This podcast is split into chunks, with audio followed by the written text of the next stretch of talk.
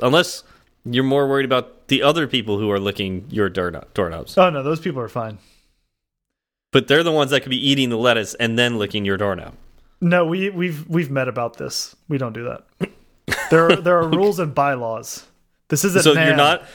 Is is is the is the rule that um, you are not allowed to eat lettuce before licking your doorknob? Uh, before, during, or after. Actually, we want to make sure we cover Okay. all bases.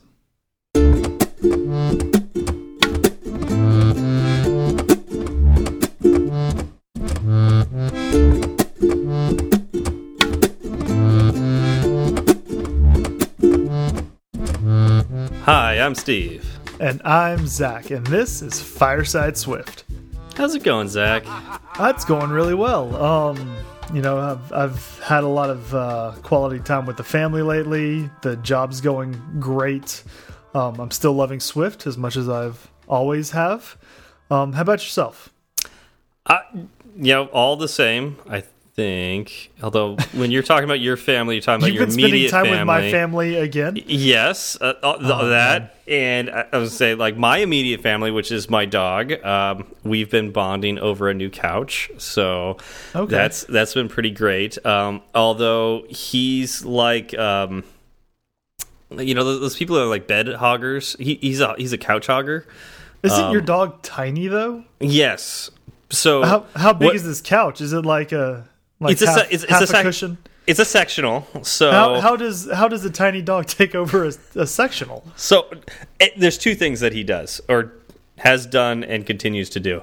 Um, number one, he knows when I'm going to sit on the couch because you know I come home and like I just want to sit on the couch for a little while and watch TV or something. Right. And he'll see me start to sit on the couch. So what does he do? He jumps in the spot that I'm going to sit, and then he Oh, lays nice. down right there, and then waits a little bit while I'm sitting down to move out of the way. So he knows he needs to move out of the way because I'm just going to lay on him. Um, so, but he tries. He really tries to to block me. Uh, the second thing that he has done since it's a new couch is I so he used to have his own couch. I had two two small couches, and now it's like one big couch. And one of the small couches was his couch. So it had, it had his blanket on it. Okay. Yep. So it had his blanket on it and all of his toys. He has like a bunch of little stuffed animal toys. And so he, it would just all be on that couch. Well, he also has a little bed that, you know, a little fluffy bed. I took his bed, put it in the kitchen, you know, moved it to a different spot, and then put all his toys on his bed. I was like, all right, just put all his toys there. That just makes more sense. And he has since, uh, in the last day, taken about three quarters of his toys and taken them from his bed and put them all around the couch. Well, yeah, you sold his other couch. That was mean. Did you even did you even talk to him about it beforehand? Did you let him Uh, say goodbye? I did not, but he is very happy with the new one, so I feel like it's all forgiven. Can't believe you would betray him that way. Uh, I mean, like I said, I, th I think he's way more happy with this new couch. So Well, Yeah. I guess that remains to be seen. Let's start off by talking about our sponsor, Sentry. Uh, Sentry is an open source framework that you can add to your apps to not only detect that crashes happen, but also diagnose why they happened. Uh, you can add Sentry to your iOS apps, your Android apps, and your web apps. Uh, it's very, very cool. Uh, so, detecting crashes is really important, but determining what went wrong is even more important, right, Zach? Oh, incredibly. I mean, you know, I could tell you you have a bug in your uh let, let's let's make it small. In your 200 line view controller. I can say there's a bug in there somewhere and you can drive yourself crazy trying to find it. Or I can say, "Hey, on line uh, 47, you're checking, you know, you're checking for nil when you shouldn't be." And um and then that will shorten the time and ease your frustration. Yeah, and so that's something that Sentry provides. Uh, it also has industry, industry leading React Native support. So if you happen to do your coding in React Native, uh, the stack traces that you get from Sentry are the best that you can get in this industry right now. Uh, so to let you know, Sentry is free to get started. You could add it into your app today, but it also has some premium features as well. And so if you want to do, you know, get involved in that, you can actually use our promo code Fireside Swift, no space, just Fireside Swift. You'll get $100 credit towards any premium features that you would like to add to your your membership. Yep. So uh, make sure you go to Sentry.io to go get that credit. And we would like to thank Sentry again for supporting Fireside Swift. All right. So let's talk a little bit about follow up. Zach, do we have any follow up today? We do. We have um, a, a, couple of pieces of follow up. Uh, the first is from C.A. Rutherford on Twitter. Oh, Car um, Otherford. Yeah, yes. Um, we're actually going to get to that in a little bit. okay. uh, so he he actually sent us a DM. Okay. Um, and then he also let us know that it was okay to, to talk about this on the show, which is why we are, because okay. normally this is against the rules. Uh, but uh, he said that he's building a clone of the AnyList shopping app, and he wants to know if there are any uh, machine learning models that we know of that can take a user's input and uh, return a string that is able to add as a section in a table view to sort them to sort that item under. So, like the user enters bread, and uh, through the magic of machine learning, uh, the bakery title or bakery section is added to a table view. All right. Um so I don't know of any machine learning models. I haven't actually done anything with machine machine learning. I think if you could do uh -huh. this, it's really really cool. Uh, what I'm, about I'm, you? I'm sure there's a model that exists out there that could do something like this. Uh, I haven't looked. I actually, I, I this is the first time I'm seeing this, so this is good. Um, so uh, I think um, I, am I'm, I'm pretty sure there is something like that out there. Um, I don't know it on the top of my head. Uh, there's definitely a lot of image models out there, so I'm gonna see if I can find this for you.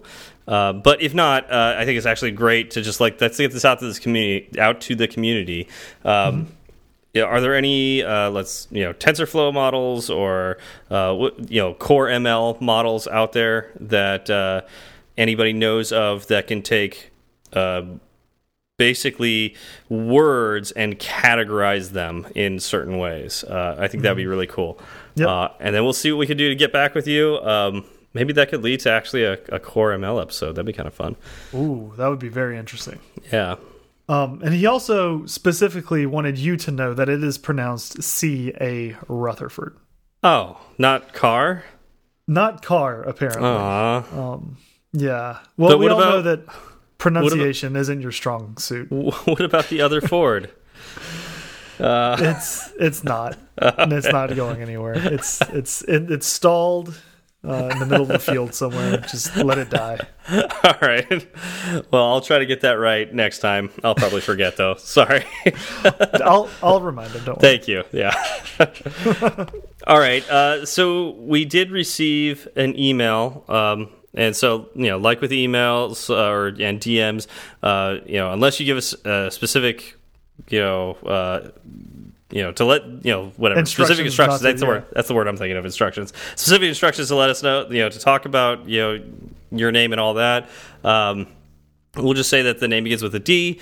Um, and so they left a, an email for us that said, um, uh, you know, do you think that Swift is uh, a good language to learn for the far term. So it's like we talked about you know last week how Swift is a good learning language, but is Swift a good language that will you know get me a job far into the future?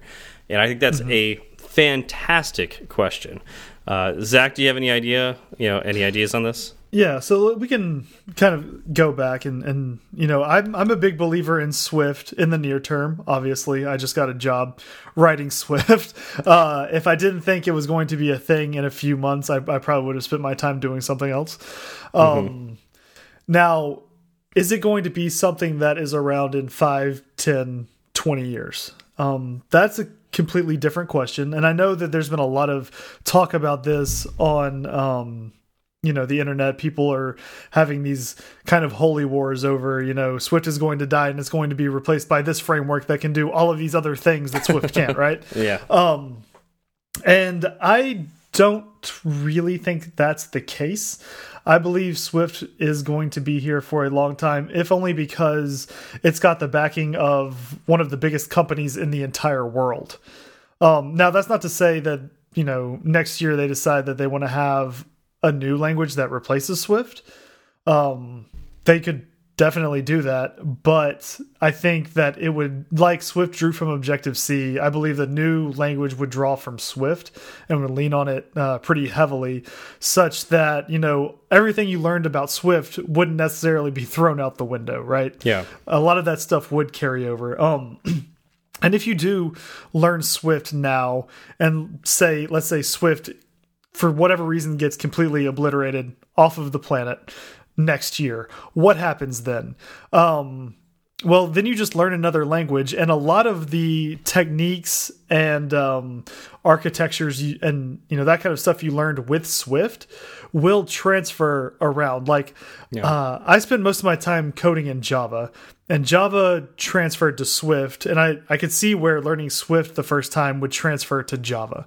Yeah, and, and uh, I, I think that would be true of a few other languages as well. Yeah, I mean, we talk about it from time to time how Kotlin is so similar to Swift, and Swift is so similar to Kotlin.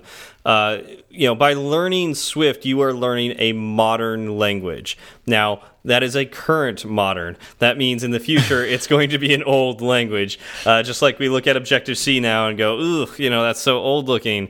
Uh, or Java, like, oh, they use semicolons. It's so terrible. Um, but um, the reality is, right now, this is the newest kind of language. And so if you get used to this kind of language, the language that follows will build on top of this. If you go, no, I'm just going to learn, you know, I'm going to learn the language that's most popular now. Um, I'm going to learn Java. I'm going to stick to Java. I'm not going to learn anything new. Uh, you're going to struggle when the generation after this generation's language comes out. So right. I would highly recommend getting, you know, as much knowledge as you can uh, you know, or just, you know, build up that that toolbox of the current languages. It will help you, you know, learn the next step.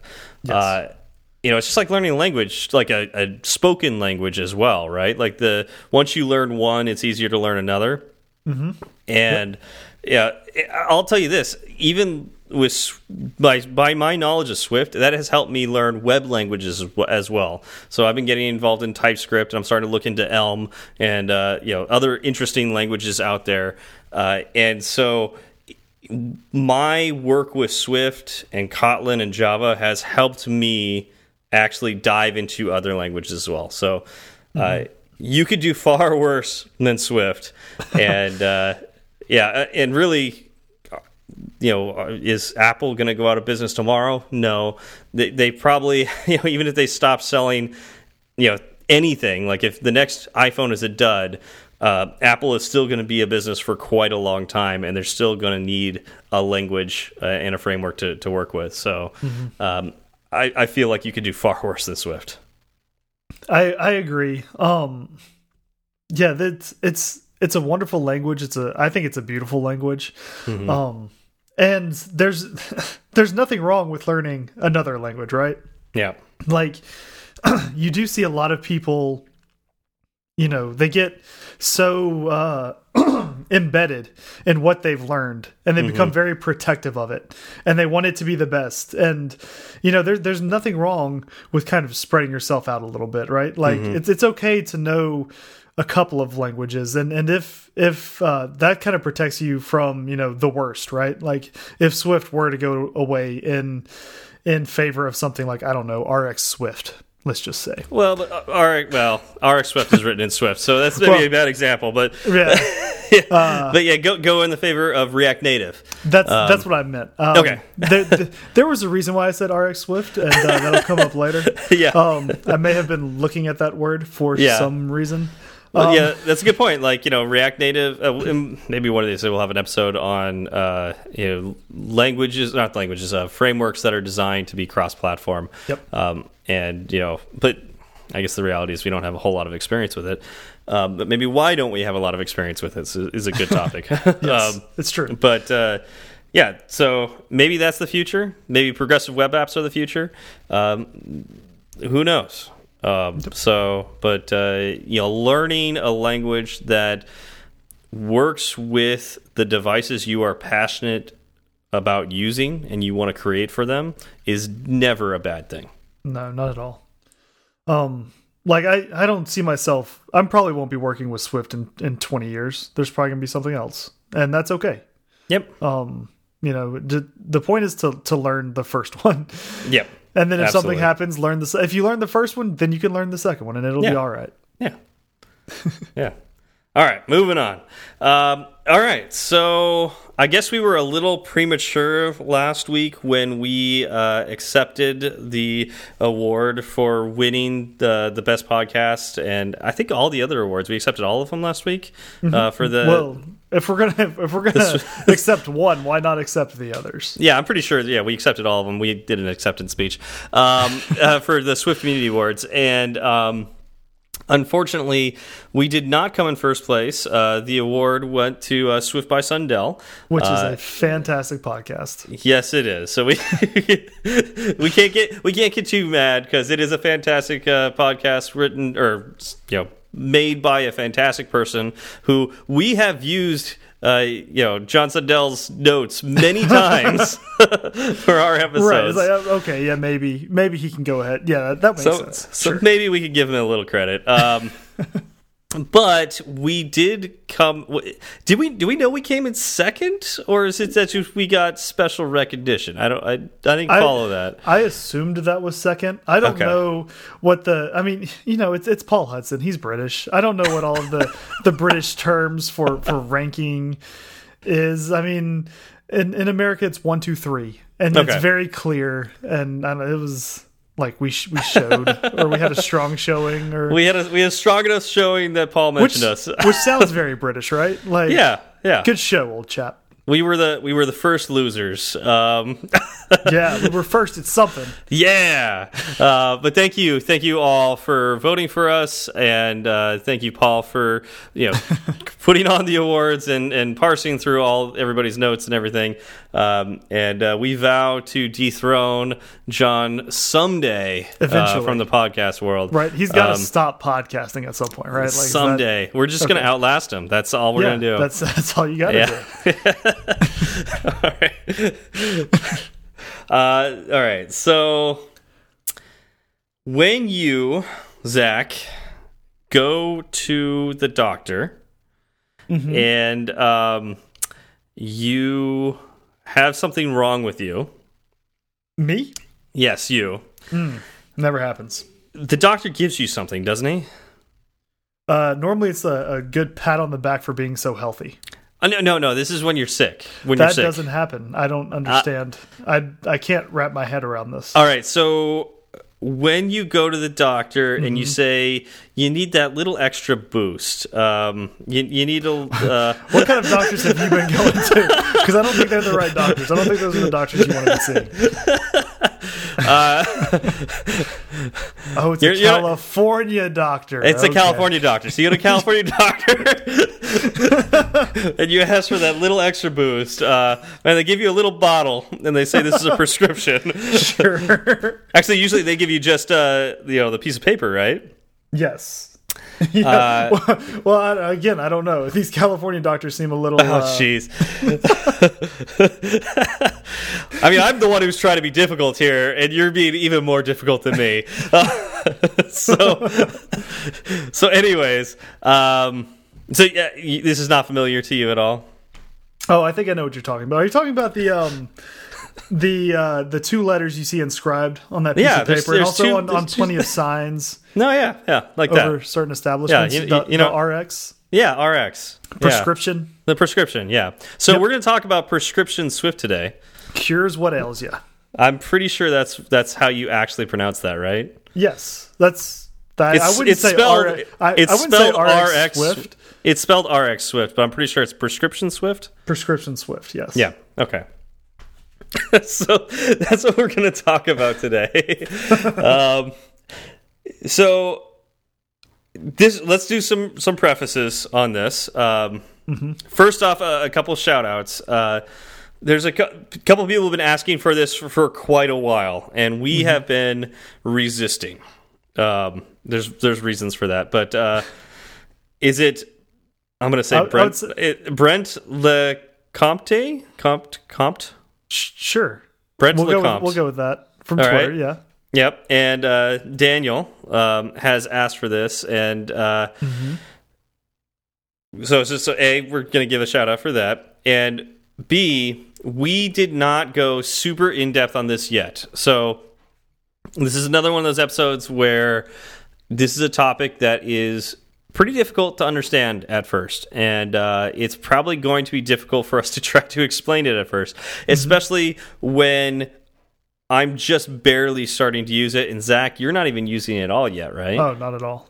Okay, so we're going to try to do an intro to RX Swift here, and also we we kind of want this as a documentation of uh, my potential hubris of trying to to say that I know a little bit about RX Swift um, because I finally shipped code with RX Swift in it, and I want to document uh, how I felt about it when I first added it to my code base, and uh, you know you know see see where we go from years from now probably when i'm a, an rx swift uh, evangelist um, or maybe. I don't know. We'll see. Anyways.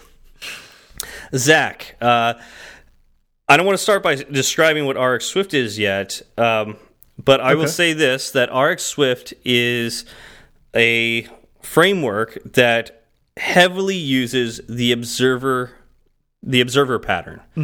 And um, we talked about some design patterns in the past, uh, like the the delegate pattern. Yep.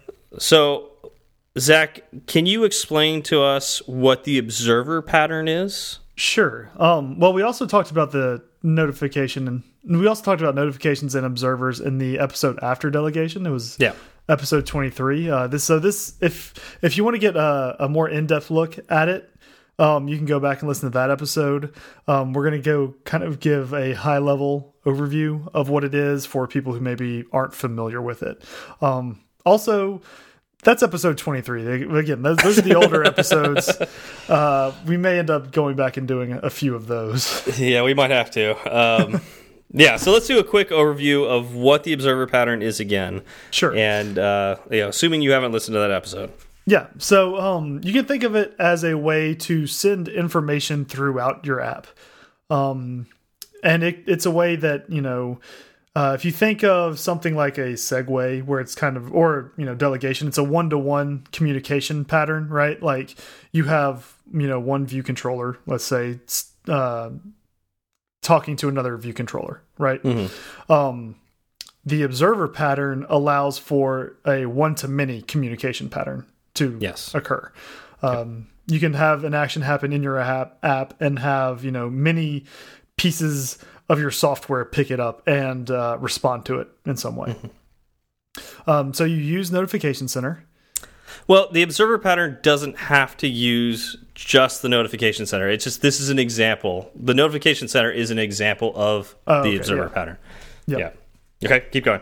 Uh, so you would uh, register your observer using uh, the notification center dot default dot add observer function.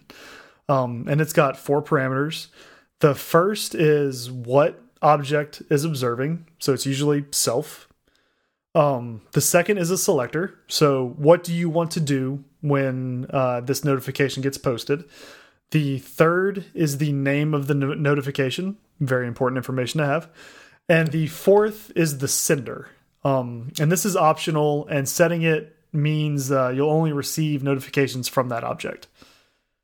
All right, and you know to preface this too, that's for the notification center, but not necessarily needed for the observer pattern. Really, with the observer pattern, uh, you just need to send uh, an object to uh, you know the notification center, if you will. Um, you know, it doesn't have to be notification center, but it can be an object that is willing to accept other objects that say add observer to you know so there's an add observer function you add your object to that other object and it add, basically puts it in an array. So that object is holding an array of observers.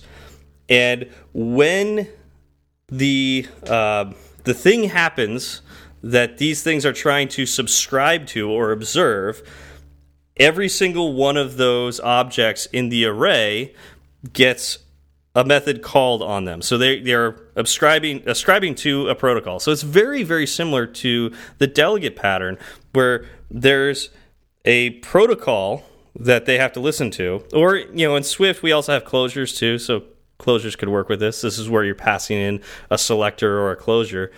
And what when the thing happens that these observers are subscribing to, the uh, you know, I'm trying to think the subscription object that you know these things are observing uh, will send a message to every single one of the objects in the array, and uh, yeah, then they hear it and they can act on it. So. Mm -hmm. Just like with delegates, you just say to the one delegate, "Here's the method." Instead of one object, it's think of it as an array. Okay. Okay. Yep. And so with the difference is with notification center, notification center is uh, singleton and uh, it's uh, system wide. And so and it's it's really spewing out information to everybody and anybody can register to any notification. Um, with the observer pattern, I mean that is following the observer pattern, but in all reality it's like it can be a lot more insular. So it could be only those objects that subscribe to another object while that object exists will get the message. Okay. Kind, again, kind of like delegation. And right. I know, I know, like, we may have lost some people with this, but uh, if you think about the notification center, that is the observer pattern. You could have many things watching it, but observers, or not observers, the subscriber, like the notification center, or subscription. It's probably a better way of saying that. The subscription object doesn't have to be a singleton. The the like imagine the notification center could disappear someday. Right. How how do you handle that? And so part of that is you have to unsubscribe from the the subscription. Right. So and otherwise you end up with retain cycles. Uh, so that is something that is very important. You have to do that with the notification center too, right, Zach? Uh, yes, yeah, it's it's good to do that. Um, I believe that it might get called uh, the unsubscribe or remove observer, whatever it is, um, might get called when the object uh, goes away, but I'm not positive. well, like with no, you have to you actually have to ask the notification center to to uh, remove the uh, what's it called? Oh man, we should have written this down. Uh, but you actually have to ask the notification center to uh, to remove the observer. Okay. So yeah. Okay. So and that's that is typically following the observer pattern. Yeah. Um, yeah. All right. So, so the, the, main takeaway there is that it, it makes it possible for you know many pieces of your software to know when a certain event happens, right? It can yep. kind of uh, not synchronize everything, but it gives you an, an opportunity to react to an event in many places. Exactly, uh, and it can be and it's asynchronous too.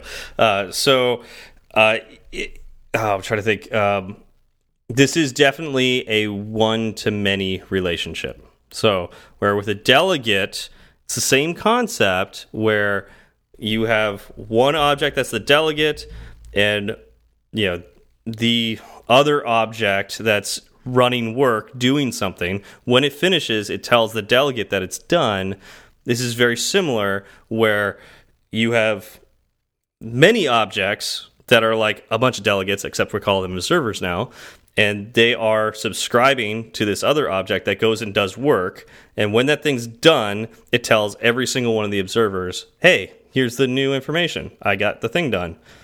Okay. So, yeah, so it's a great way to pass data uh, through your app um, and uh, in, in a in a way that makes sense.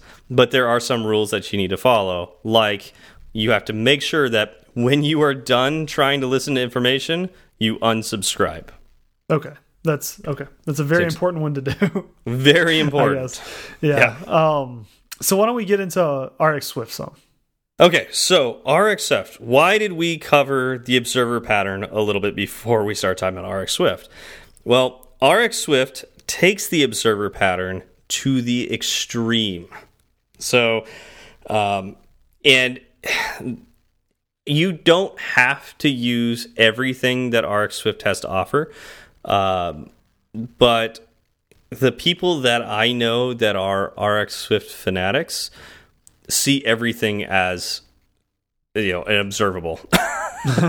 so, um, so just keep that in mind. You don't have to do this for every everything, but when you start looking at things that's like, man, I would like to receive information back from this worker. Like think like a model. You know, we've got our our um, let's see, uh, MVC, you know, mm -hmm. model view controller. Uh, mm -hmm. We've got our our controller, which is our view controller, and we've got a model that we want to go out and do some work. Um, and we want it to come back, and we want it to come back on a different thread. Instead of using delegates, we could observe that, you know, okay. and and so we could we could place. Uh, uh, essentially completion handlers within that observation. So it's going to call those completion handlers when the event occurs. Okay, okay. So that's the kind of thing that RX Swift tries to. Um, oh, what's the word I'm, I'm looking for here? Stream, it streamlines it a little. Yeah. Um, yeah, makes it into a framework, which is exactly what RX Swift is.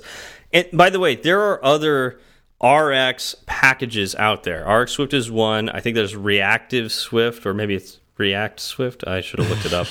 I think it's Reactive Swift.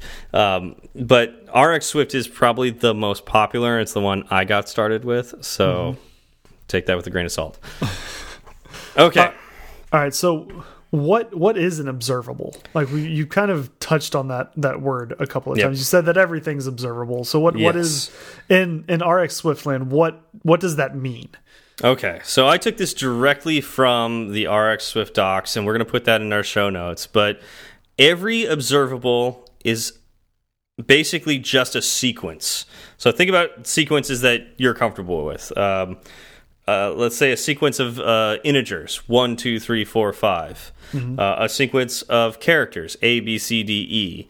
Um, you could have a sequence of strings. Um, you know the dog jumped over the fence. Uh, you could have uh, a sequence of events. You know a button tapping. The button tap waits for a while. Button tap. It's essentially something over time. Well actually just really just events that occurred. Okay. Okay. Yeah. And we'll get over time in a second. Um, but the key advantage for um, an observable is that you know even though it's just a sequence, uh, it can receive elements asynchronously. And think about you know the difficult time we have, uh, you know, making iOS programs programs, apps. Um, you know, the difficult time we have with them because there are different threads. We got the main thread, we got background threads, and we want to do like network requests on a background thread. Then we want it to come back on the main thread. We don't want to hog the main thread. You know, don't you find that difficult, Zach? Yes. Yeah. No, juggling all of that can um, be a stumbling block.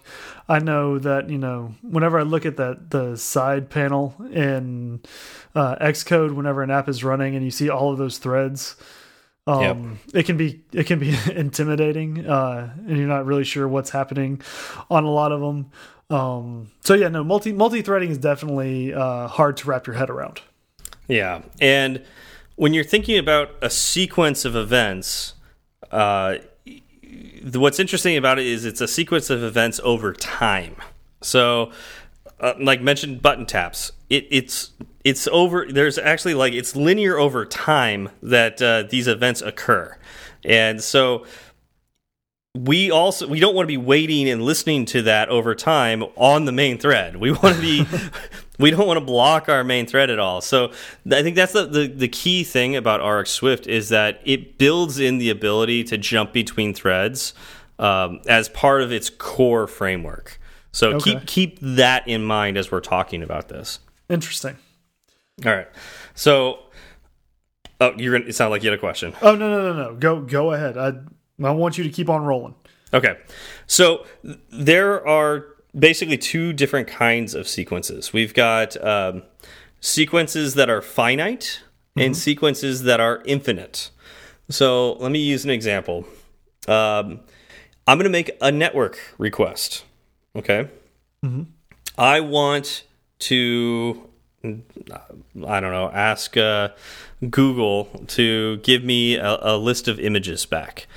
All right, so I make the network request, it goes out, and it comes back with a list of, let's say, image URLs. Okay. Okay. That is finite. Now it comes back with a list, you know, of, of image URLs, but uh, it ends right. It Right. it stops It, giving it me the, terminates at some point. Yeah. You can't. You, you're not going to end up with an infinite number of photos, or at least, Yep. hopefully not. Hopefully not. Yeah. And we're talking about we're talking about like a REST API call, right? Yes. So like it's designed to you send a request, it sends a response, and you're done. It terminates. Okay. So that would be like a finite sequence. An infinite sequence would be I'm register I'm listening to a button tap, and so I'm tapping on the button. I mean, I could tap on that button forever or not forever. Like as long as I'm listening to that button, it's infinite. It could be Right. infinitely long, uh, or a little switch. I'm it could switching on off on off on off. You're not going to tell me to stop. Um, so that could be infinite. Yes. Yeah. All right. So far, so far, so good. yeah. All right. So sequences that do not terminate on their own, these infinite sequences, um, you have to manually tell to stop in RX Swift. Why? Because RX Swift really takes to heart that observer pattern where you are subscribing to this observable. And if you don't tell it to stop, it will continue to send messages and hold a reference to the object that you said is observing these uh, these observables, Okay. um, or these events. We'll say the sequences. Okay, um, so and but what's interesting is that even the ones that terminate, RX Swift treats those the same way with the observer pattern. So you observe it the same way, except you don't have to worry about telling it to stop because it stops automatically at the end. Okay. That that makes sense. Yep. Okay. So essentially, um, you create. Let's see here. You define something that you want to observe, and I'm not so knowledgeable about RX Swift to be able to talk about this without really great notes. Um, but let you know, suffice to say, I have an observable. Um, I'll, I'll, uh, let's use a good example from RX Swift. Uh, capital V variable. Okay. Okay. So I create a variable, and you actually have a generic uh, that's included with this object. And you say, I'm going to say, I'm going to uh, create variable with the generic type int in, uh, you know, attached to it. Okay. All right, so that's an RX Swift object. It's you know part of the the framework, and I can observe that variable, and so I can actually subscribe to that variable. So if I'm in my view controller and I have an integer that I care about, and I say I'm going to subscribe on that vari you know that variable uh, I provide a completion, not a completion handler, a um, a closure uh, to what happens when the on next method gets called. Okay. Okay, so that would an on next is, occurs when that variable changes. Oh, Okay. I see. Yeah. So now imagine I have a network request going on, and every time, or yeah, every time this uh, this variable, this integer changes, I want to display that integer on the screen in this view controller. So I can subscribe to this variable, and now anytime that that integer changes, so I've got a network request going out, and it it finishes and it changes that integer. It's going to call this on next method, which I've passed in a closure to uh, you know while I'm subscribing to this this variable, and when that integer changes, I get that information back and now I can act on it. So, and that's what's put in that closure. So I can say, all right, change, you know, make sure I'm on this thread and you put that, you subs, uh, sorry, you, um, So subscribe on or observe on? observe on. I gotta look at my code real quick. You got a fifty um, percent chance. I know. Okay, so oh man, I, I probably got it wrong, but uh, one of these you either observe on or subscribe on. Again, just getting started with this, and I don't remember which one's which. Uh, so you, uh, I believe you subscribe. Subscribe on takes care of a whole bunch of things. I think observe on is the the one that's for the the next case, but whatever. Um, you observe on or you subscribe on to it, and the I, I, I, think the definitions are, or the, the language is not super, super clear here. No. Uh, but uh, once you do that, you say, I want to be on the main thread when running this uh, completion handler. Or not, I keep calling it completion handler. Uh, sorry, closure. Closure. And uh, you can change, you can now change the the label that you have on your view controller with the new integer. Okay. Did did I lose you or do I still have you? No, I, I think I I think I understand. So okay. your your integer changes, your label changes because of the closure. Yes. Provided. Yep. Yes. Okay. Now, why do people find this so interesting? I think is partially due to the fact that the people who made RX Swift have really tried to make it functional. And I know we've talked about functional programming a bit on the show. Mm -hmm. um, and I don't. Do you remember what episode that was? I uh, do not. Okay. Well, you you could look it up while I I, I talk uh, a little episode, more about this. Episode forty six. Episode forty six. And, and, this so. is this is interesting because I was I was thinking as you were describing it, it may break down uh, you know, something like RX Swift may break down when trying to do functional programming because you are using a bunch of constants which aren't getting updated. No, actually, like in general, this is done very functionally. Okay. Um, yeah, and so RX Swift and functional programming can go very well, like hand in hand, very well. Interesting. Uh, okay.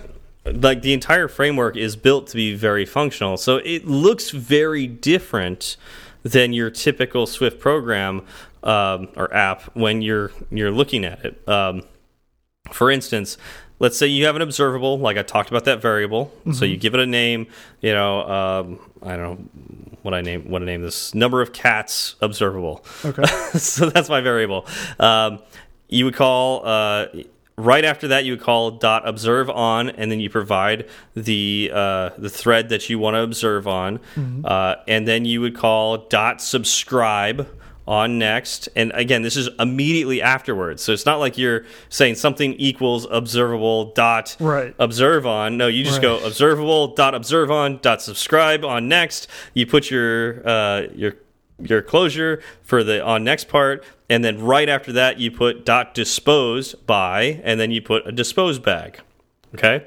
Oh what is so, a dispose bag? yeah we'll talk about that in just one second. Okay. But but what's in, what's interesting is like you end up with uh, your observable whatever our variable name was and then right below it you've got like a tab over and then dot you know whatever function. And then you know right after that you've got a you know same tab over at the same level dot subscribe on. So you got this really interesting looking code that didn't look like any of my code before if i wasn't doing a whole bunch of functional things. Mm -hmm. okay uh, so once okay.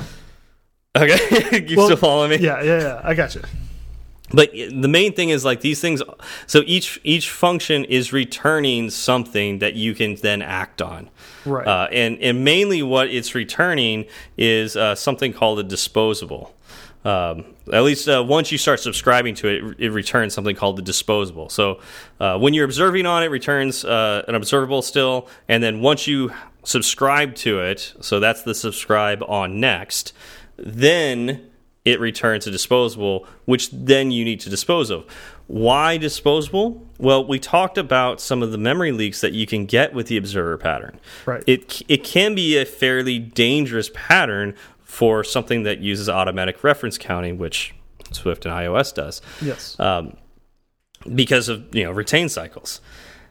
So to help with that, they have all subscriptions return a disposable and it doesn't require you it doesn't throw an error if you don't use the the value that comes out of it but it, it's a reminder that oh yeah i should make sure i throw this away mm -hmm. and so another really this is actually probably what made me really like RS Swift, RX Swift, and I'm sure that I'll find other things I like too uh, in the future. But um, I love that they created something called a dispose bag.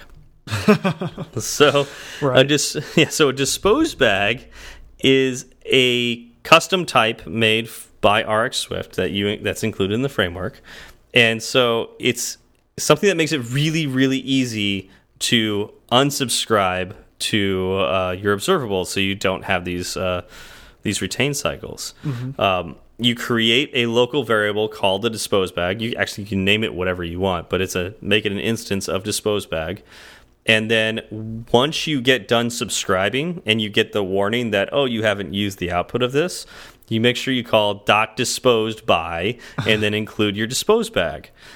What's interesting about this is when your object gets deinitialized and it tries to deinitialize your dispose bag, that dispose bag takes a look about look at every single subscription that you have added to it and makes sure it unsubscribes to them.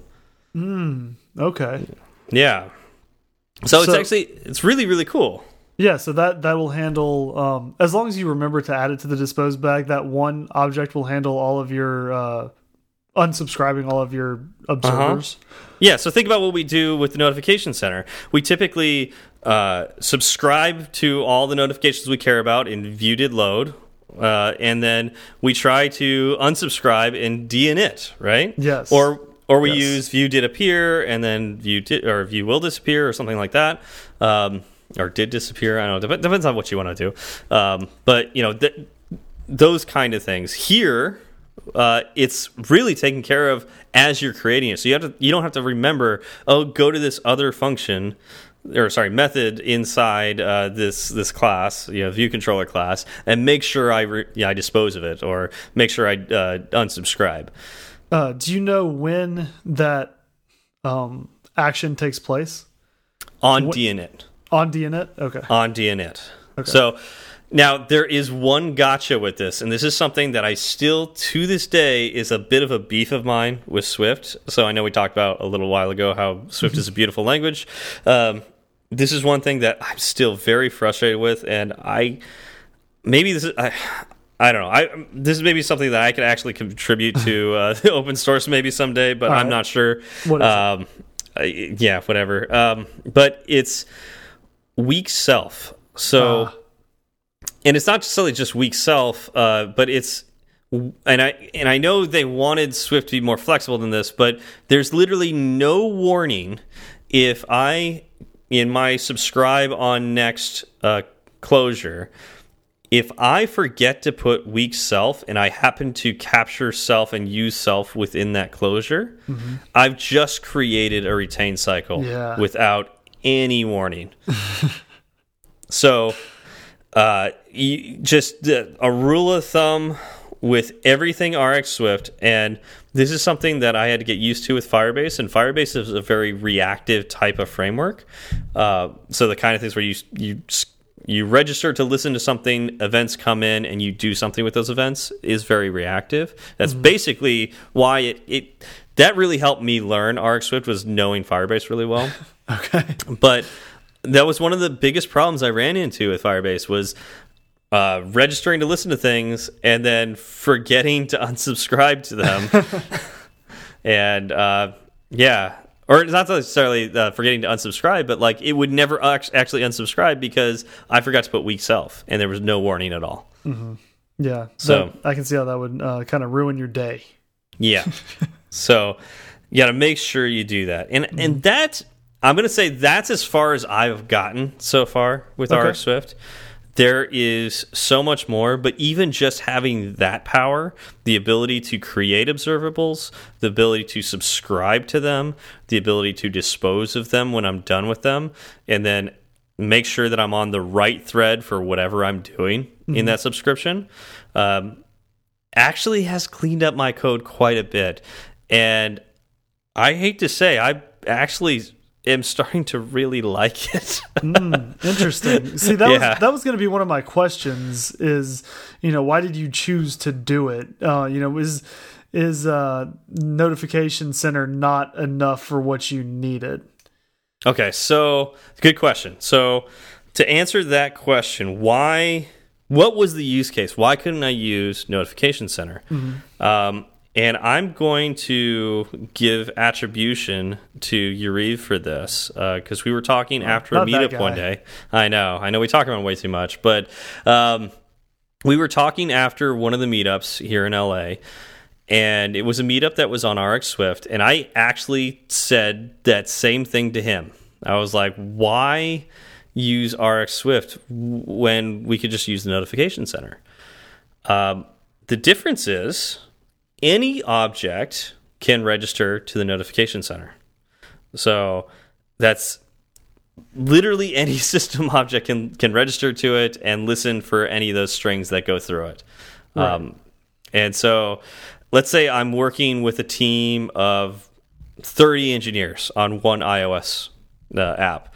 I don't necessarily know everything everybody does. now, there's there are ways like patterns to follow to make sure that you don't uh, you know, step on somebody else's string that they right. use for the notification center. yeah. um, and I, we're not going to go into those strategies right now.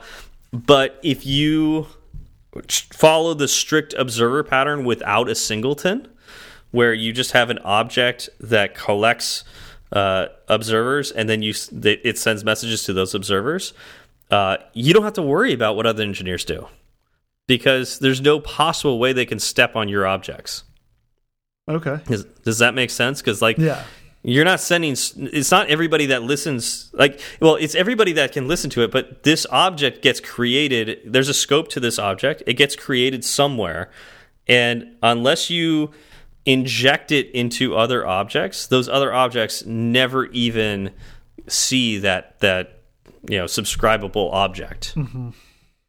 okay that's that's interesting um did y'all think about any other options uh, well, so one of the options was notification center. We we right. talked about uh, the delegate pattern was a pattern we looked at. Really? Uh, why we, now? Why a delegate pattern if what you're looking for is a one to many communication pattern? Well, because that was the thing. Is like, does it have to be one to many? Oh, okay. You know, does it really have to be? Um, okay. and so the object that we were talking about, or you know, thinking about using, was something that could listen to Firebase and uh, let's say like I'm in a particular context. I'm going to go through a particular set of view controllers. And let's let's say there's a hmm, let's say this. There's a list uh, a table view of selections and you tap on one of those those items and it opens up a view controller. I want it to go to Firebase and download a set of objects that are formatted a certain way. Okay. It may take a while to do that. And so I'm okay with waiting for that view controller, you know, put a spinner up and wait for it to collect all the, the data for that. But when I go back, I don't want it to dump that data. I want it to hold on to that data in a certain way. Mm -hmm. And then I want to open up, let's say I open up one of the other, you know, I tap the next item on the list, uh, and that opens up a different view controller. I and it's asked and it needs the same information as that prior view controller. I want it to just have that information, but not just have that information at the time that you first tapped on it. I want it to continually get information from that. Okay. So we wanted essentially a coordinator that could coordinate the model objects, and we wanted to inject them into our different view controllers. Right. And to in order to do that, we want like it really it makes sense to have the ability to have multiple observers. It's like it, it's really not just one view controller because that view controller could have many other objects that need to listen to that. So there, there really could be many objects listening to these changes at any given point in time. That's pretty cool. And, and so it made sense to go with the observer pattern. After right. like we were talking about it over and over again, I was like, you know, it's that's not just one. Uh, we could do a singleton. Oh, that's that's gross. We can't test it or anything like that. And and it's also not really reusable and it's going to get huge you know we could really yeah so it just makes sense to have something that just follows the observer pattern we could inject it and you know keep it functional um, and so it it made after a while uh, it just it made sense to use it, we you know here here's another thing we could have just implemented the observer pattern. Right. You know, Right. it's not hard. It's really Right. not hard. right. But there are little gotchas in it that we didn't want to worry about. Plus, there's a whole community behind RX that has documentation on it, and they've tried it and they've done it. And like, we wouldn't have to build the tools ourselves; they're there. We just need to use them. Um, and yeah, once we learn it, we could talk to people and understand those people that are in that community. So that's a benefit. um, so it just made more and more sense the more we talked about it to use RX Swift. Okay. Well, that, I mean, everything you said to me makes sense. I would, I think, I would have come to the same conclusion, given the the data you just gave me. Yeah. Uh, is it working out so far? Actually, I mean, that it sounds yes, like it, it is, but yes. So far, it has been absolutely amazing. Um, and I'm that's one of the reasons I'm like I'm trying to temper my expectations because one of the things we as programmers do when we learn a new thing is go, uh, you know, wow, this can apply to everything. yeah, all of a sudden you want to, you're like, this is my new toy. I'm Yeah. going to use it every single place I can. Yeah, everything is is RX. I could I could literally make every single one of my variables RX, and I just respond to their changes. And oh my gosh, this is so great! Like, yeah. Um, so you get an observer, and you get an observer. well, and and you know, part oftentimes when you talk to RX Swift for somebody who uses it, they also use RX Cocoa. RX Cocoa provides um, essentially wrappers around all the UI elements in iOS. So let's say I have a um, a text view. Um, yeah, so I've got a, a text view, a UI text view, it, it, you know, in my view controller. I can use RX Cocoa and turn that into an observable. And so now, instead of using uh, the delegate of the UI text view, so UI text view delegate, or instead of using uh, target action and dragging from the storyboard into my uh, my code, I could use it as I could observe that text view, and now I'm using RX Swift instead, and it's now an observable. nice. I'm scared of that. Yeah. because when does it stop or Yeah. should it should it stop and in all honesty like this is this is very very cool i'm still a little worried about how approachable all this stuff is because right. it's becoming easier for me and i'm starting to see it but that doesn't mean a new engineer on my team will be able to see it and But couldn't you say Be- that about anything, pretty much? You can, um, You know, but the things I the mean, things that you're you work with and you're more familiar with. Yes, you understand how they work, Sure. but someone new may not. sure, um, but there's something to be said about im going too far away from the mainstream. Mm-hmm. You know, um, uh, this is kind of going into um, a little bit about you know probably another topic we want to cover another day, but uh, those cross cross platform uh, tools like uh, uh, React Native, uh, Xamarin, Ionic, those kind of things. Um, while React Native is popular, it's not as popular as native Swift. Right. And so when you get a bug, you get a bug that's very specific to React Native. And that may not have an answer on Stack Overflow. Mm-hmm. When you go to a meetup, it's probably going to be a meetup on the general way to program in Swift for iOS, not React Native. Right. There's just more out there. That's not to say that React Native is bad. It's just not as popular. And that in it of itself causes problems when you are looking for talent and when you are trying to move quickly and a small UI bug turns into uh, a a del um, sorry a slip in schedule and cost overruns. So Yeah. that's something that scares me a little bit about RX Swift because while it is very, very useful and very, very nice looking, um, at least to me, that is starting to get more functional in the way I program. Uh, it's not as familiar to uh, you know, people The- right the out of masses, college. right. Yeah, the Yeah. masses, just in general. So it's Right. just you. I know that I'm limiting the the scope of uh, engineers I can hire immediately. Right. Now, I can still hire them. I just have to train them up on this. Mm-hmm. Um, so that costs me money. That costs time. Yeah. So it's just something that I'm concerned about. Um, Well, is it is it hard to learn or implement? Like that's you know you you're making a, a big deal about you know not a lot of people knowing it, and so it might be Mm-hmm. hard to find someone who does know it. But you know that that might be mitigated somewhat if is if it is at least easy to grasp. Yeah, that's a good question. That's a really, really good question. It took me a long time to grasp this, Okay. and I don't consider myself a particularly slow person. Um, now, I think part of it was I was resisting it, but people have been talking or telling me about RX Swift for years now, right. And it did not click for a very long time. Okay. So I think that says something to it that it's not the easiest to grasp when you first look at it. Okay. Um, but that could change.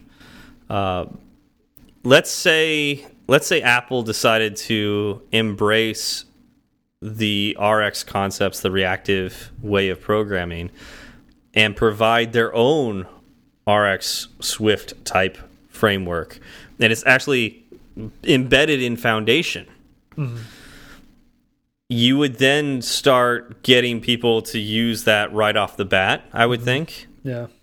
and it would become part of meetups because it's just the way that Apple programs. Um, it's just like uh, optionals and closures, right? Like we talk about that in meetups all the time, and you know we talked about it on the podcast. It's like, oh, this is just a part of what we do, but the reality is those were pretty complicated things to learn, you know, programming wise. And I think that's we talked about it a little bit last week with uh, how ATP mentioned that Swift is a very difficult language to learn, and we, you know, politely disagreed with them. Um, but but one of the things we we both agreed on was that some stuff like optionals is, is difficult to understand when you first look at it. Yep. So I think this could be one of those things where it's it is difficult to understand when you first look at it. It's doesn't look it doesn't look like anything else you've done before until you get used to it. Uh, if you if you don't program functionally, it's going to look really weird to see something that like I'm used to just like calling object dot function and that's that's it. Right. I was about to Um, say you're just chaining function after function on one Yeah. object and, and getting a result. And then like especially I want to say like newer Yeah, I won't say that. But like uh, you'll get you'll get people who use RX Swift and they chain like they're chained functions.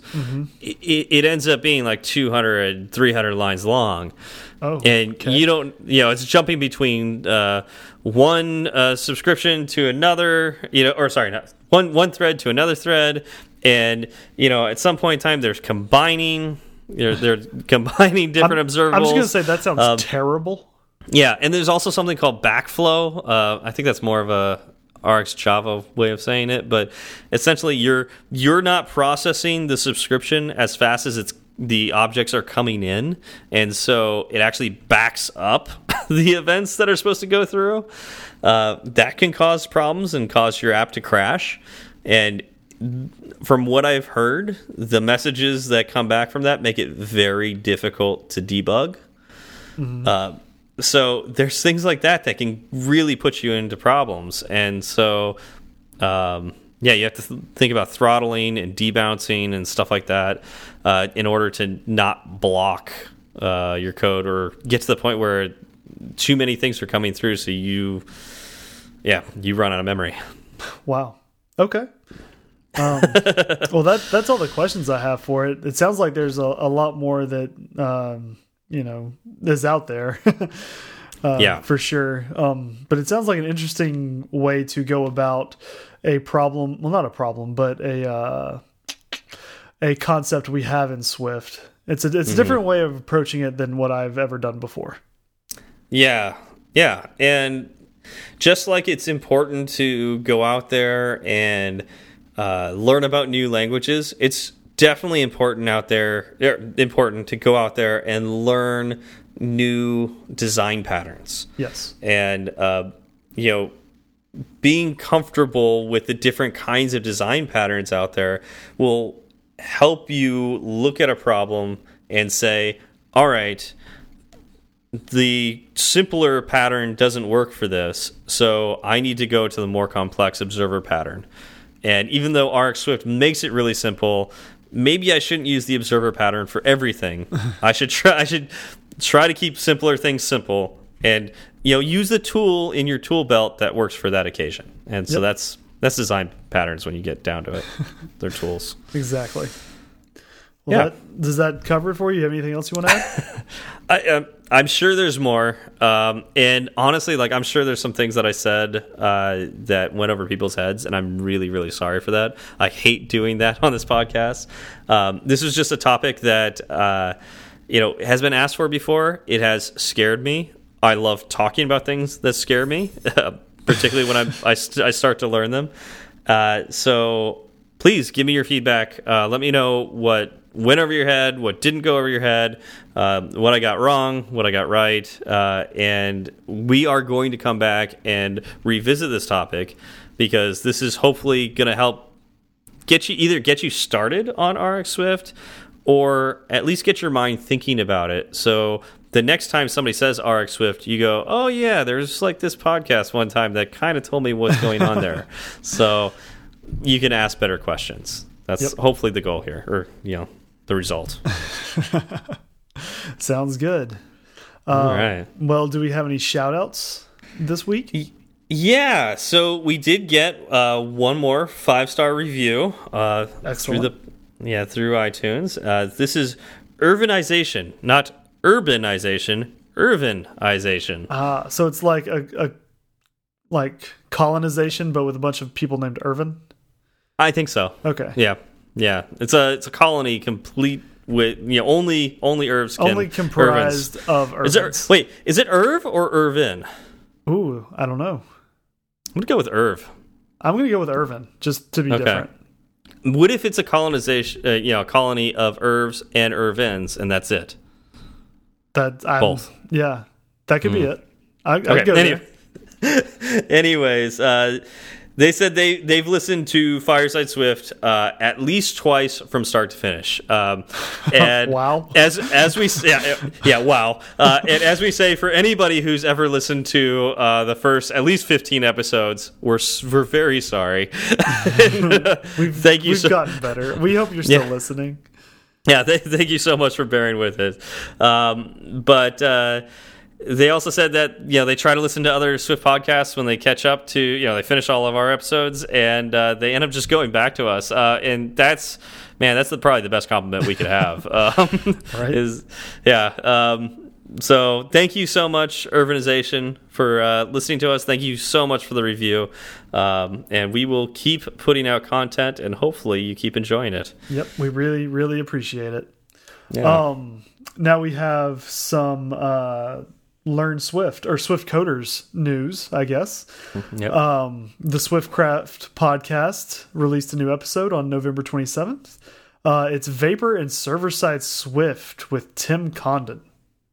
Yeah, so that should be a really good one. Um, so going back to speaking about Swift in the future, I don't think we mentioned it during that talk, but I mean, Swift has a bright future on the, the server, and you know, if you're looking into you know looking to get into web design and whatnot, um, it's still pretty young, but there are some neat frameworks out there where you can actually take what you've learned in Swift and apply it to uh, either writing your own API uh, or even building websites using all Swift. We should we should talk about server side Swift one day. We should. I'm pretty terrible at it, If but only we knew someone who knew if only server we side know. Swift. Yeah, yeah. Ah, man, I don't. I don't know anybody. Yeah, I I think I may know a guy. I think I may know Okay. a guy. I'll get back to you. Okay, cool. That yeah. Let me know when you uh, find someone. Sure. And uh, yeah, we'll we'll deal with that. I mean, um, Austin has to have somebody around. I mean, it's a big place. I mean, they get all the smart people from California to move out there. Um, I hear it's. Lit I hear they actually call it Little California now. It's it is. It's it's a mini mini Um, yeah. California. yeah, it's too bad you can't take the weather with you though. Um, I would not anyways. Yeah. uh, thank you all for coming out and listening to us. Uh, thank you to our sponsor, Sentry, and we'll see you all next week. Y'all have a good one. It's such a good feeling to be at the end. A happy feeling that there may have been a mistake or two. So we'd like to hear from you. Twitter's great, Breaker might beat it. Email's fine, but we rarely read it. But we love five star reviews, and we promise to mention you. So get a pen and write this down. Just kidding, who's got pens around? Still, they'd love to hear from you. Steve Berard and Zach Falgout. Tweet at Zach and have some fun. At TFALG, or you do one. At TFALG, or you do one. He'll write back when his work is done. Tweet at Steve and you will see clever use of the emoji at SWB. E R A R D. Fireside Swift has its own handle, so you can burn three sides of the candle at Fireside underscore Swift. At Fireside underscore Swift. And if your message is a little too long, there's firesideswift at gmail.com and firesideswift.com. Firesideswift.com.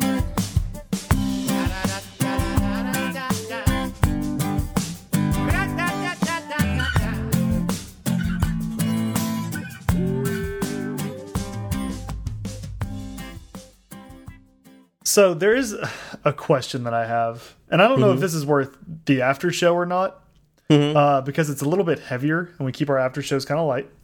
Uh, it has to do with motivation, Okay, we've talked about that on the show just in general. Yeah. right? But like, I'm I'm finding myself uh, not lacking motivation, but it's it's definitely flagging a little bit. Yeah. And I don't know if it's because I've gone all out for so long and now it's kind of the end of the year and like I just need a break. And so I've been taking a little bit of a break.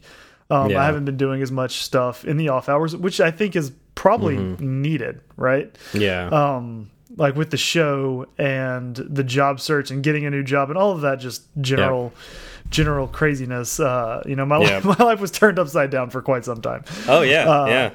And so now I've I've taken a little bit of a break, just kind of mental health Yep. thing, and and um, it's probably time for me to start, not necessarily like going as hard as I once was, Sure. um, but I definitely need to begin to pick it back up again. Do you understand what I'm saying? Yeah, I do. Um, you know, it's like uh, the same thing happened to me. How many years ago now? Uh, three years ago, because I was working a full time job with the Navy, and then I and I was doing Android development mainly for them.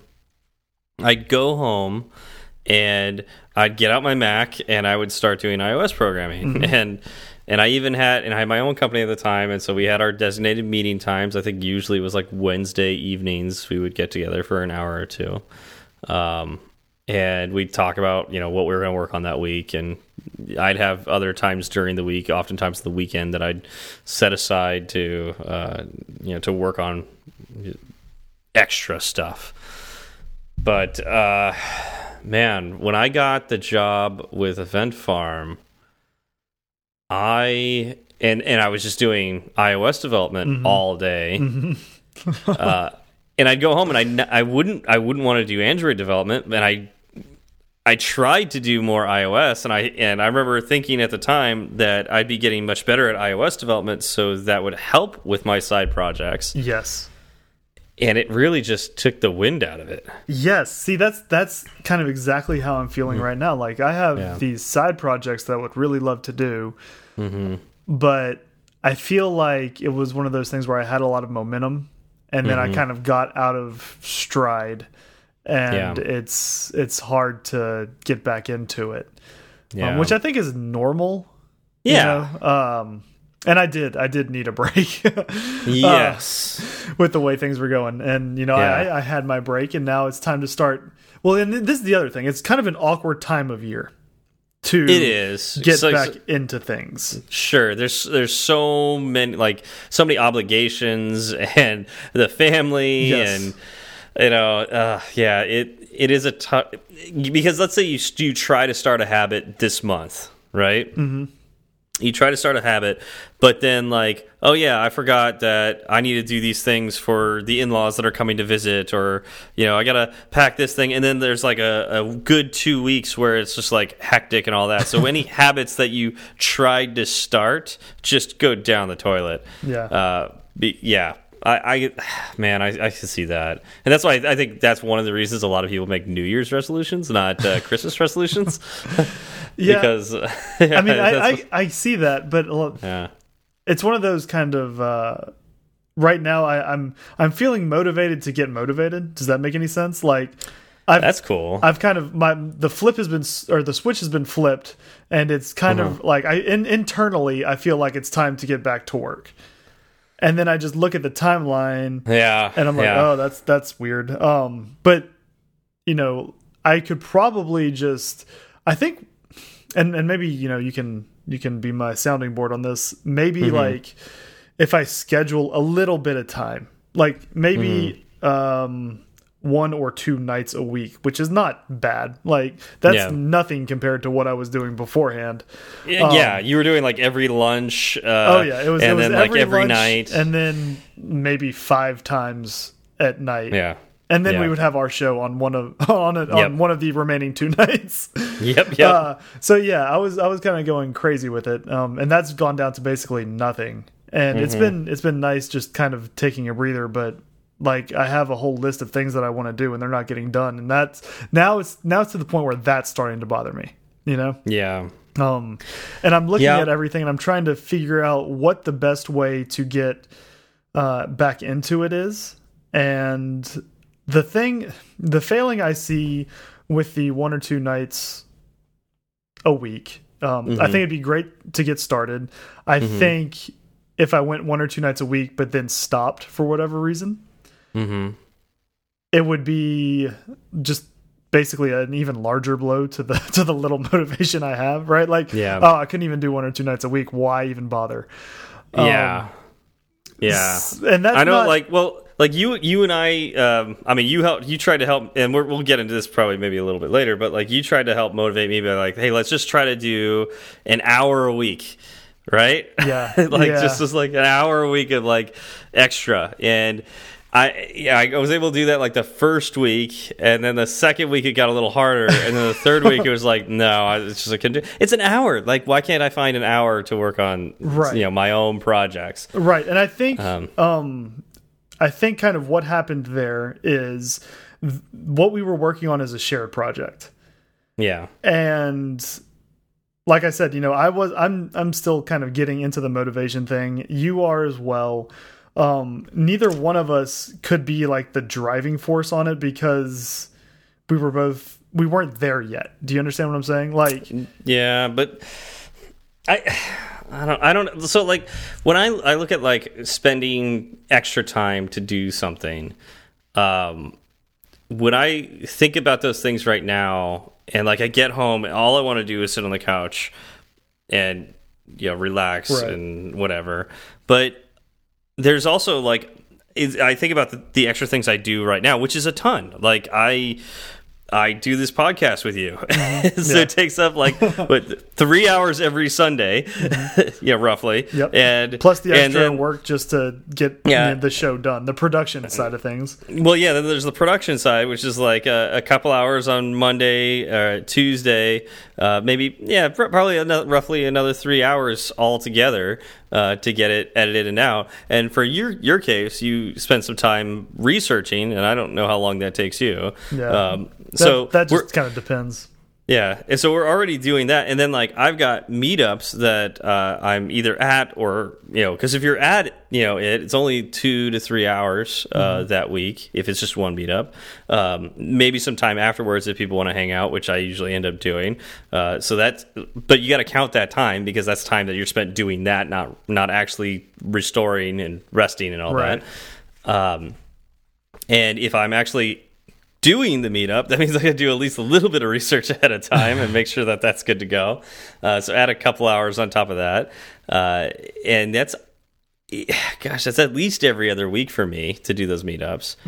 Um, so it's it's actually already like we already have a bunch of extracurriculars we're doing. Right. So now that being said, I usually don't feel like those are work. Yeah, and that's that's the thing. Yeah, and so I, I think that's what's kind of curious to me is why does it feel like work to do like just to make a new app to put on the app store? Why why does that feel like work to me? That should feel like joy to me. Right. Because I can do anything I want and I you know, it's I don't know, I have control over it. um whereas like getting like doing the podcast it- there's a little element of work particularly editing feels like work to me now because it's like i have to make sure i get this done before thursday um but it but it's just like i that's just like a part of my life now right. like Right. it, it, the, the habit's already there Yeah. so Yeah, I, I know, and I, I feel you. Um, but again, it so coding to me on the side did feel like a joy, and I think it would again. I think it's just a matter of, uh, like I said, the the momentum that I had and I, I lost. Um, when it was a habit, man, it was it was awesome, right? Like I would yeah. write some uh well not great code but it would make me feel good. Like i enjoyed doing it Yeah. um maybe that's what i do maybe that's something i do like because all of my projects are kind of bigger right like they seem large maybe what i need to do is just pick something that's just ridiculously small and and Yeah. fun yeah and then do that. Maybe because you know I did do that game engine ish thing. Mm-hmm, Maybe I rebuild that now that it's many months later and I'm actually a professional iOS developer and and Yeah. see how that like that wouldn't be bad because that is fun. And Well, I, I think I think part of it too is like doing something new, like learning something new. Like um, I, I think part of why it feels like work is like I'm trying to take my experience and build a particular product based on like the best practices that I know of, instead of hey, this is a new language, this is a new framework. I have no idea what I'm doing. I'm just trying to do something, and I'm not even trying to show anybody. I just want to get it done. And then if it's something cool, I'll show people right. you know this feels like all right i want to i want to actually implement an idea because i have this idea and i want to do it and i want to put it in front of people so i want to use the best practices that i've learned through my work and so because of that it feels like i'm doing the same thing i do at work every day Yeah. But again, because it's your own, you could probably do something outside of the norm, right? Like because you. Yeah, don't have totally. to answer, and because you if you break something, it's not going to impact your your personal life other than hours lost. Uh, y- you know you know what it probably is is um a lot of people don't have that outlet at work whereas i'm lucky enough to like really set like i don't have somebody making me do something i don't want to do at work uh, like uh, I, it's not like somebody saying you can't use that framework because X, Y, and Z at work. I'm the one who says that at work, and it's like not like uh, uh, or like you. I, I know one of the things that bothered me when I first started working at my job was like the the configuration management system. Like it was all on Subversion, and I wanted to use Git, and um, eventually we switched over everything to Git. Um, I'll, I'll take a little credit for pushing us that way. um, but uh, you know, one of the things that would motivate me would be to work with an environment that I was comfortable with, and you know, you know a more modern one, which is like you know Git and not not Subversion. uh, uh, so like, and that's like the same thing when I was working with the Navy. When I was working on Android stuff, it's like not only was it Android that felt a little antiquated, um, it also because uh, you you have to work older with Android than you you can with iOS because most of the devices out there uh, don't upgrade to the latest version. Mm -hmm. So you have to ignore the new stuff in Android more than more than you have to do that in iOS. And so there's that aspect, and then but also because of the nature of where I worked, it was very difficult to get the latest Android Studio, to get the latest frameworks. Mm -hmm. You know, you just really couldn't get those. Yeah. Uh, so I was always behind. So working with iOS felt way more modern.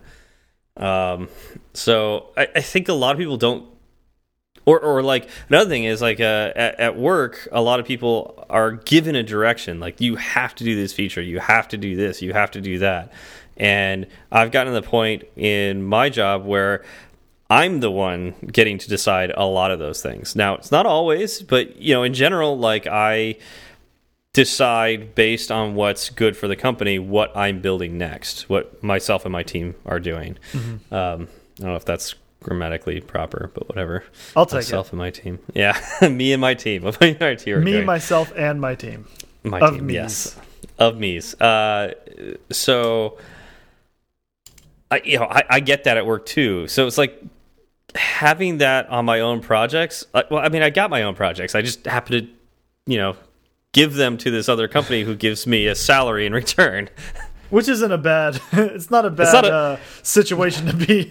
no, it's not a bad arrangement at all. Go ahead I mean, and get paid. I, yeah, I get I get a decent salary. I get health insurance. Uh, I mean, I, I, I really can't complain at all. Um, health insurance for uh, writing iOS applications, not bad. Yep, yep. So, I don't know. Do you feel that does that resonate at all with you, or am I just like? mm. you know, off the mark? No, see, again, I I think I think because it's all still not all new to me, but there's still mm -hmm. so mm-hmm. much that I need to learn. Yeah. Um I don't really feel that way. Like I I don't feel right now like, oh, this is what I do every day for work. Like it still feels fresh and new, right? Mm -hmm, mm -hmm. Um so I don't think I have that going on. Mm-hmm. Um I think it's really like I got I got the job and uh you know, I I told my wife that I'm going to just kind of take it easy. And I said I even told her, you know, I'm mm. going to take a a bit of a break. And this isn't even right after I got the job. This was like a month later. uh, yeah. Well, you were like not only were you like going hardcore, you were doing those interviews and everything right. too, which is draining. Right. And so know, I got the job, draining. and then and then I kept doing it for a while after I got the job. And then a month later, I was mm -hmm. like, mm-hmm. okay.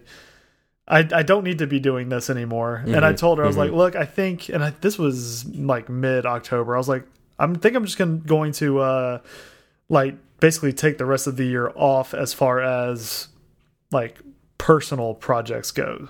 So like mm -hmm. in mm-hmm. my mind, I thought I probably needed till 2019 just to take a mm -hmm. breath. Um, yeah.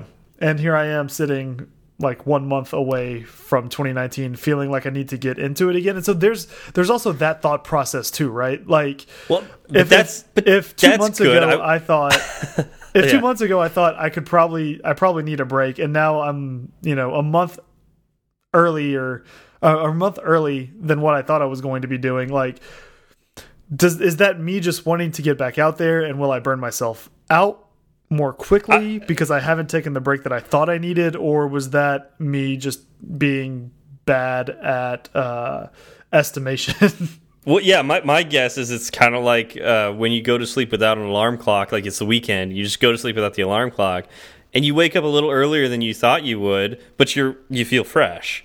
That's fantastic. I wish I could do that, but I'm the kind of person that would like wake up and go, nope, it's, it's way too early, and just go right back to sleep, and then get too much sleep, and then regret it for the rest of the day. I have two, uh, I have two uh, small so, children. I don't do that anymore. Yeah, so I wonder if that's an aspect of it. I mean, that, um, and that could be it. So I, I think mm. in December, and I think another another big part. I've I've been going through all of this in my head, just kind of trying to. Mm get to where I need to be mentally, right?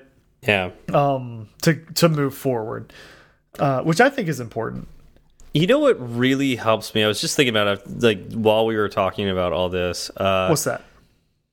I have a difficult time visualizing certain things, and I'm a very visual person in general. Like when I approach projects and stuff like that, I have to get on a whiteboard or my iPad or something like that and draw it out. Um, but it really helps me a lot, especially with, with the motivation aspect. If somebody comes to me with a pretty UI, Yeah, I like um, that. I've worked with designers in the past, and you know I've got some designers I work with today at, at work, and oftentimes like I'm pushing features, and you know it's like there's something I want to get done. Like it's it's it's motivating to me to get the thing done functionally, but it's even more motivating when they're coming back with oh cool you have that let's make that the, you know let's work on the ux and the ui together and like there's like a, a dialogue back and forth and it, they make it look really pretty like they use a cool font that i didn't think of or they use cool colors in a way i didn't think of and you know they they present the the ui of something and i get super excited to build that thing. Mm-hmm. Like i spend way more time on that thing because i see what it can become now where it's like before i was like I, I got this fuzzy image of it. I know something's wrong with it. I'm trying to do this. It's like and, and what's crazy is like you know one of the one of the problems I've always had with designers is they never think about all the edge cases. Yeah. They never do, and so I haven't I haven't met a designer that has, and that doesn't mean they're not out there. There there's I'm sure there are, but I have not met a designer that thinks about edge cases, and so. Oftentimes, uh, they'll show me the best case scenario, which is awesome. You know that, and that gets me motivated. And then I spent end up spending like two x, three x more time more time than I need to working on the edge cases, or like more time than I expected working on the edge cases. But I'm excited to do that, and not only that, I'm excited to show them, hey, you forgot X, Y, and Z. Look, I solved it for you using your design patterns. Um, Yeah. So I love doing that. Uh, I can see that. Yeah, but like just writing it down on like a Trello board or something like that, that's that doesn't motivate me. It really doesn't. Yeah, yeah. So- It, it it depends with me. Um, I really I enjoy design. I, I enjoy designing software too. Mm-hmm. Right, like outside of the visual, just like the architecture, uh, architecture Sure. of, of putting it all together, and kind of um, you know, it it's like building a Lego mansion. Yeah, but like what once you in this this I mean this I think Legos actually fits really well with this. Um, once you figure out like all right you're building a Lego mansion, but this is your fifth Lego mansion that you've built. You've got a pretty idea what the foundation looks like, and you're going to use the same pieces over and over again. That's not exciting anymore. It's not necessarily fun. It's more like just work to go find those pieces. Like I know I've got these pieces somewhere in my Lego box. I would go find them and put them in there. And now it feels like work, but you know exactly what you're going to build because you know it's the best foundation you can build. Right. Um, it gets exciting when you get to the new parts of the the mansion. You know, like the different mansion. Um, so yeah, Yeah. So that's I mean I I really enjoy you know that that type or that part of the project. Mm-hmm. I, I just need to do it. And I think that's Mm-hmm. I think that's all it comes down to is just I just need to do it. Yeah, I mean that's that's usually what it comes down to. I mean, it's like going to the gym, uh, you know, programming, reading. Reading's one of those things. Like uh, reading books that uh, help you learn, listening to podcasts too. Yeah. um, yeah, something I've been struggling with. Uh, just I've been listening to less podcasts, um, but also le reading less books too. Right. Um, And it's, it's, you just got to do it. but it's it, and it's also all a balance. And I think Mm-hmm. um I'm very bad at that aspect of Mm-hmm. things, right? Like uh if I'm if I'm doing something, it's hard for me to stop doing it for a day or two to go do something that I'll enjoy, right? Not saying Mm-hmm. I don't enjoy this, but you know, something that's more recreational. Yeah, Um, because in the back of my mind, while I'm doing whatever it is, I'll be thinking, about the project. I'll be thinking, you know, oh, I Hmm. could build that this way. What if I took that and built it this way? Or if I if I stopped on a bug, oh, that's the worst, the Hmm. absolute worst, because I know my mind, and that's that's the way Oh, it's yeah. been ever since grad school. Like if Yeah. if I had a homework assignment and I was stuck on it. Um, and say like I got the assignment on Thursday and I would work on it Friday some and it was due on Tuesday. Mhm. I could stop working on it on Friday. Yeah. Um, but my th that does not mean that my entire weekend was not consumed Yeah. with the actual Well- uh, project or homework. Well, I mean, going back to school, that's one of the things that really hurt me when I was first going to school because I didn't want to do the homework because it seemed easy to me. I understood the Right. concepts. Uh, and this is this is uh, something that bites me a bit uh, right now with programming. Is like I'll I'll see how to do a feature and go, oh yeah, that's not a problem. I could do that. Until I start it and realize, oh, I totally forgot all this stuff over here. um, you know, it's going to still seem easy, and then I could do it last minute. It's like I need I need to get started on it. Like I just need to start working on it in order to realize, yeah, there's a lot more to this than meets the eye. Yes. Um, so Yeah. So I think I think what I need to do is start small and kind of focus. An another problem I have, I, I have so many problems, so many problems. Um, I, I know that's I mean that's what that's why we have this therapy session every week. Right. Um, you know, I, unbeknownst to you, I've been recording it each time and Oh, uh, releasing it to Oh, the no. public. That sounds So, terrible. Um, I'm I'm sorry about that, but I'm going to continue to do it. Why So, would anyone um, listen to this?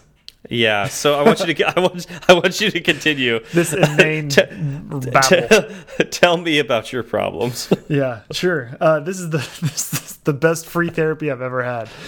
Uh, um, God, now I don't, even, I don't even remember where I was going. Uh, you said you had many problems, Yes, and I figured yeah, you were just going to go. I figured you're just going to start listening now. and now it's me me trying to pick out the one that I was going to talk about. That's the problem. Um, yeah. Uh, yeah. Let's see here. We were talking about uh, you find a bug and it bothers you all weekend, and I talked about homework and how. Yeah, and then you were saying I just needed to get started and work on something small. Oh, okay. Yeah. Thank you. That was go. that was it. You're Yeah. welcome. I knew we were Uh, going to do it. Yeah, Yeah. yeah. Um, I focus on things I can't control, which drives me crazy. Right. I focus Mm-hmm. on uh, output and not input.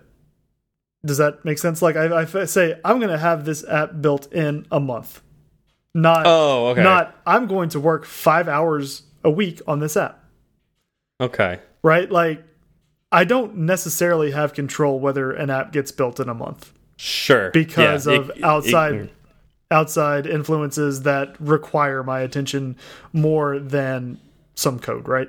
gotcha. Yeah. Um, but now if I said I'm if I made a, a goal to say I'm going to work on it five hours a week, that's something Mm-hmm. I I have more control of.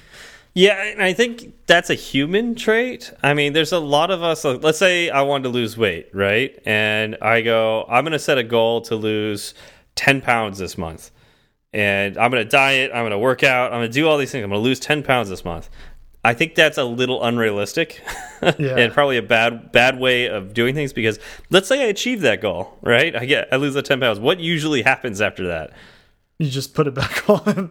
You just put it back on because I achieved my goal. It's like Yeah. I can relax now, right? Done. Right. Yeah. And so you don't actually form a habit of losing weight. You you formed a Yeah. habit of reaching a goal, and once you reach the goal, it's it's over, right? Yeah. Whereas, like, I, I the way I like to think about things is I want to set like like you were just saying I want to set the habit of working out, and then at some point in the future I'm going to notice those benefits. Uh, so it may not that may not be that may be too too much of the other direction because you do want to set some goals too, right? Like you want Right. But they you need to be hold like yourself accountable. manageable goals. Like again, if you said Yeah. I'm going to lose five pounds in a week, meh, maybe, yeah, maybe yeah, not. yeah, Let's yeah. not do that. Say I'm going to run three miles this week. Yeah, like that. Yeah, I think that's doable. And- Right. But yeah, it's what, it's what you can control, and I think that's kind of with what you're saying too. Um, you want to set some goal. Like I, my goal is to finish this app. That doesn't necessarily mean you're setting a time limit on it. Your goal is to finish that app. Yeah. and you're going to work five hours a week on it. Right. Yep, and that's that's it. And Mm-hmm. I think it's also you know because if I even if I do say I'm going to work five hours a week on it, that doesn't mean that every week I will hit those five hours because of unforeseen circumstances. Um, Yeah. And another another problem I have. Let's just keep going. Is uh is not hitting one of those marks makes me feel really bad. Like really bad. So Um, like I'm I'm a perfectionist, right? And that's another Yeah. reason why it takes me a long time to get an app out, which would be Yeah. why setting a time limit for an app is a really dumb thing for me to do. Yep. Yeah. Because so that, once I say I'm going to spend a month doing this, I'm actually going to spend like 5 months just like Yep. minimum. Yeah. Well, it's that's also a very human trait as well. Um, so congratulations, you're not the alien you thought you were. Wait, Um, but Google asked me if I'm a robot like every time I go to Oh, well, a, you, a web page. You, are you're also either a very sophisticated robot or uh, what is th what is that noise? Is that on your end? I don't I don't hear anything. Oh, yeah. Uh, yeah, the music, right? You yeah, hear that? that's that's the dryer. Close your dryer. Oh, Close your dryer. It plays it plays a song that lasts literally two lifetimes. Oh, that's It'll so probably funny. still be going on by the time we get to the show. Oh, please, please not. Uh, um, what was I going to say now?